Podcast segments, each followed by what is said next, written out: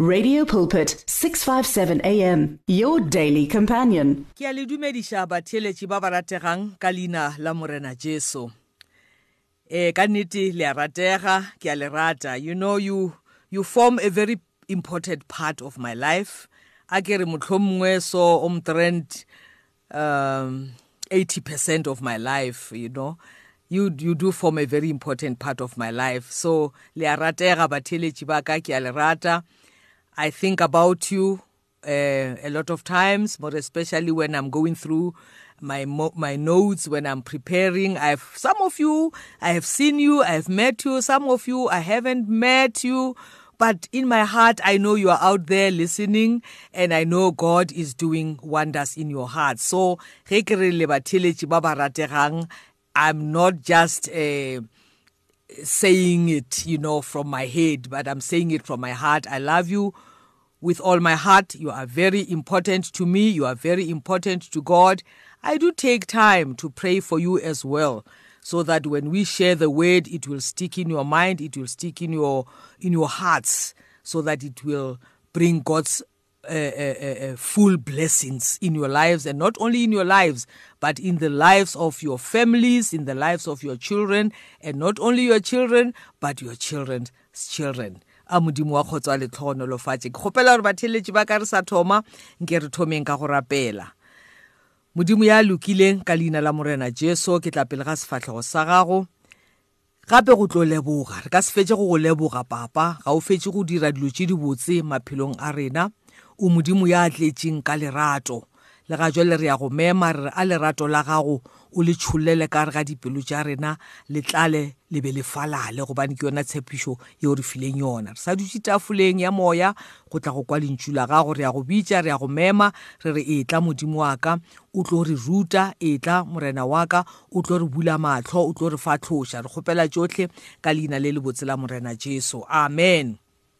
Batheeletši ba ka re sa tšwela pele the promise of heaven. Modimo has promised us heaven. Bekeng ye fetileng re boletše taba ya gore he has given us a pledge. O re file tshepišo a ikana. A saena bible e re a ba fološa mo yo o halalelang le godimong you know? Gore o tle o dule ka mogare ga dipelo tša rena. Gona jwale ke rata gore ge re sa bolela ka mo yo o halalelang a, a certain incident came to my mind. Ke nyaka gore fa a scripture ge ge re fetša mo ba ba tshwereng dibaebele balang tsamang le o bala the book of acts. Le e thome ka chapter one. Ge e fitlha ko go bo chapter two ile o bolela taba e monate ya go theoga ga moyo o halalelang. Gore ga re menšene moyo o halalelang randomly.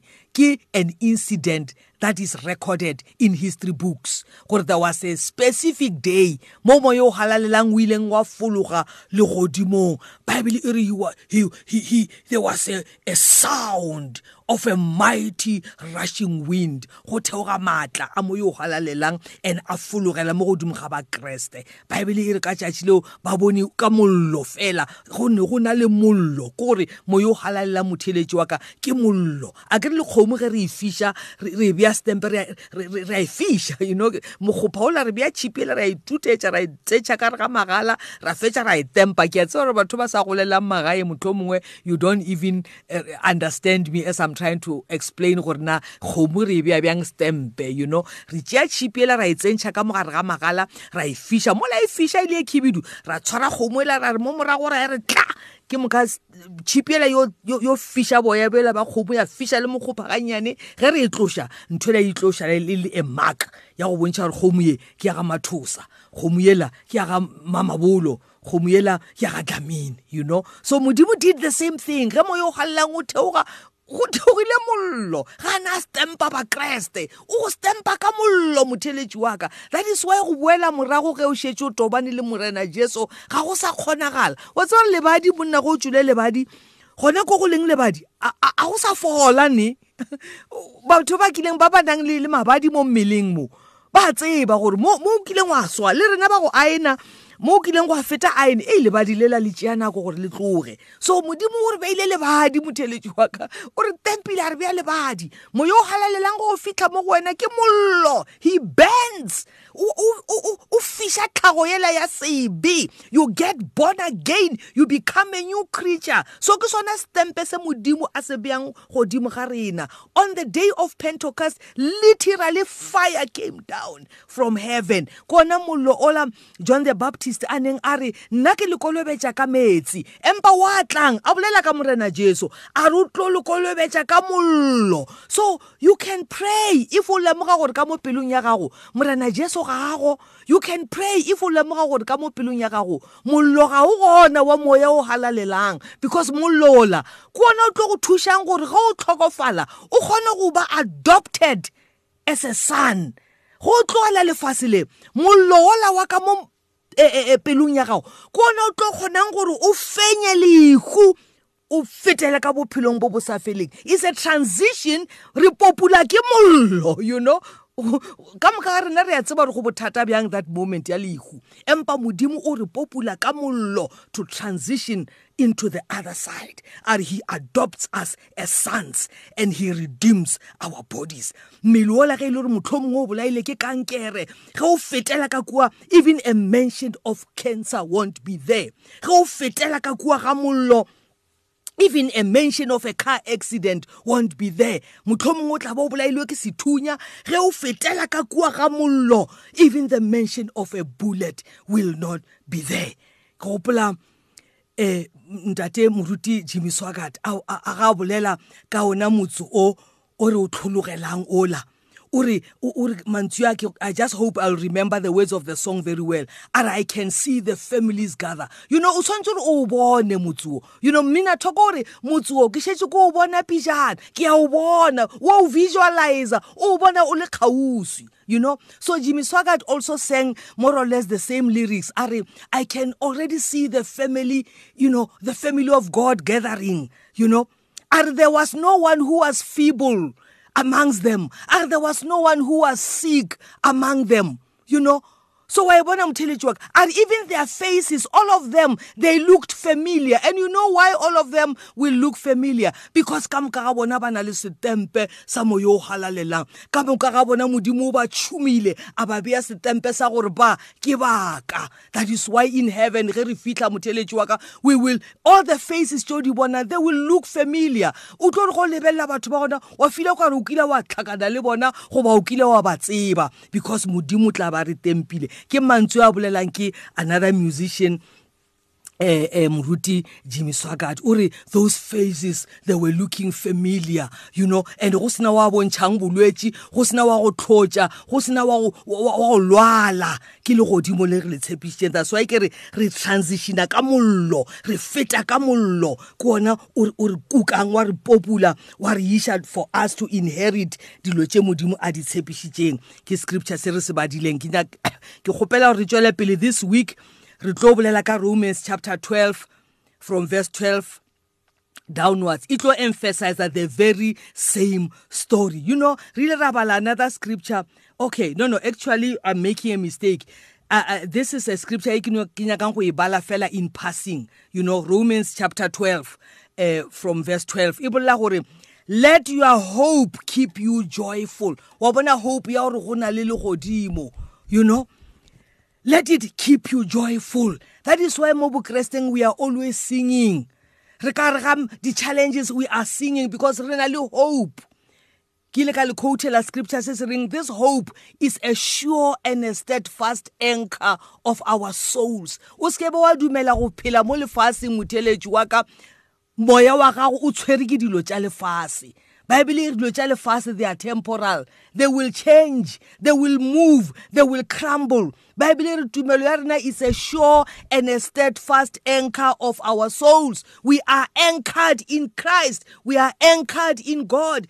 Our souls are anchored in heaven where christ has gone as a forerunner.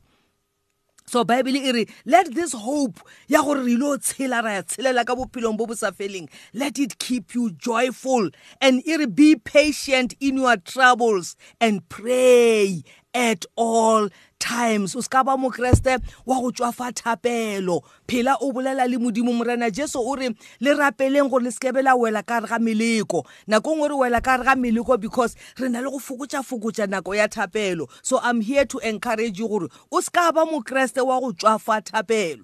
Ke boletse gore morena jesu lentšu la modimo le re o re kolobetša ka mollo. You know that fire is the one that energizes us.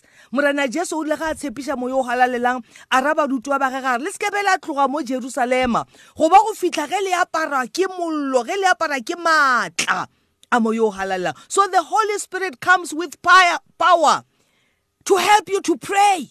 Baebile e re ebile o re ruta go rapela ka gore thapelo a se rena ka moka ba re tsebang gore na e berekiwa jwang. O tla a re ruta go rapela o tla a re fa maatla a go fenya sebe o tla e le mollo to transform us gore bea stempe sa gore ge re yo lebana le lehu modimo a re adopte as his sons and re kgone go inherita legodimo. So let this hope keep you joyful. Let this hope keep you singing. Le go tlhakana le mabothata. That is why bible e re le ge re tlhokofaletswe e re seke be ra lla bjale ka bahateng batho ba senang hope. Re na le hope because re a tseba gore batho ge ba tlhokofala ba ba dumetseng mo go morena jesu go diragala eng ka bona. E re be patient in your troubles and pray at all times. So i want to read you another scripture ye e leng gore le yona e emphasize taba ya gore modimo o beile e guarantee o re file e guarantee go tloga a re kgonthišišetša o saenile gore legodimo le ke le tshepišang lona as long as you are sealed with the holy spirit you will possess it. Ke ephesians chapter 1 mo go verse 14 i think ke lo e bala eh e re ke thome mo go verse 13 Ephesians chapter 1 ke tla e thoma ka verse 13 re bale le verse 14 ya yona. E re and in him having heard and believed the word of truth, the gospel of your salvation. Evanghelie Mpoulo a re ke matla a modimo a go phološa. So Ephesians and in him having heard and believed the word of truth, the gospel of your salvation, ere you were sealed with the promised Holy Spirit. So o kwa evangeli motheletši wa ka wa re ge o e kwa paulo a re ke yona the gospel of your salvation. Evangeli go ekwa dumela gore e go phološe e go transforme e go dire sebopiwa se seswa mo go morena jesu. E re ge go diragala jwale o dumetse evangeli o e amogetše e go phološitše bible e re you were sealed with the promised holy spirit. Le e bona ntho e la gape ya boya moteletši wa ka.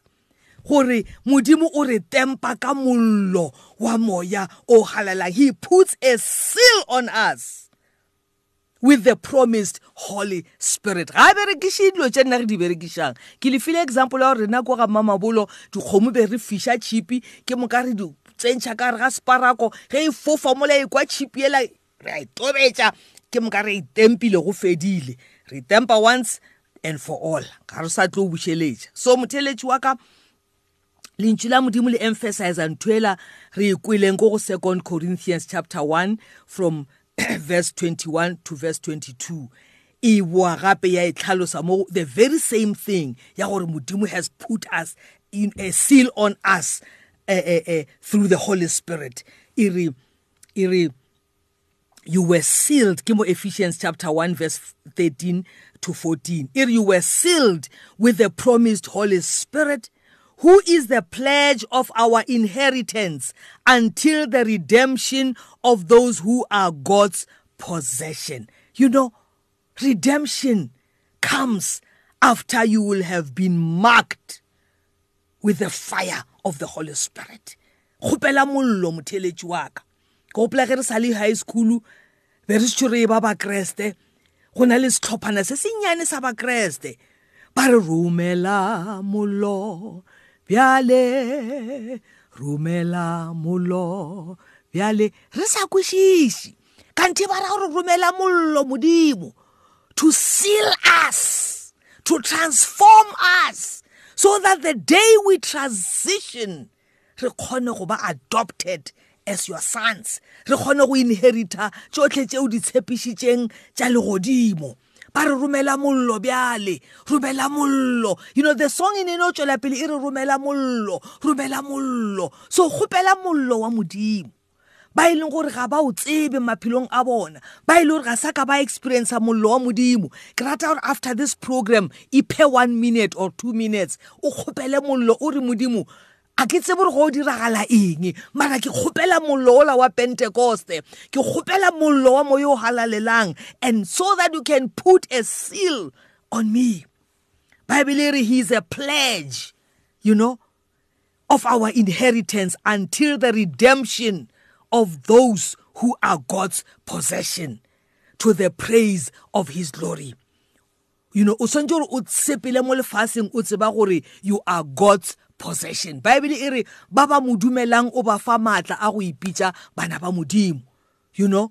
So kgopela mollo motheletši wa ka o re modimo ntempe ntempe ke be o mongwe wa ba gago and a kry lentšu la sorry sepedi se re baloi ba tsebana ka metlhaka that is why go ge o dutse fase o theleditše mokreste a bolela le go sa ka kopana le yena o tlo tseba gore ola ke ngwana wa modimo you know ke ntho e gona metlhaka eo re a tsebana gore man this one is a born again child of god.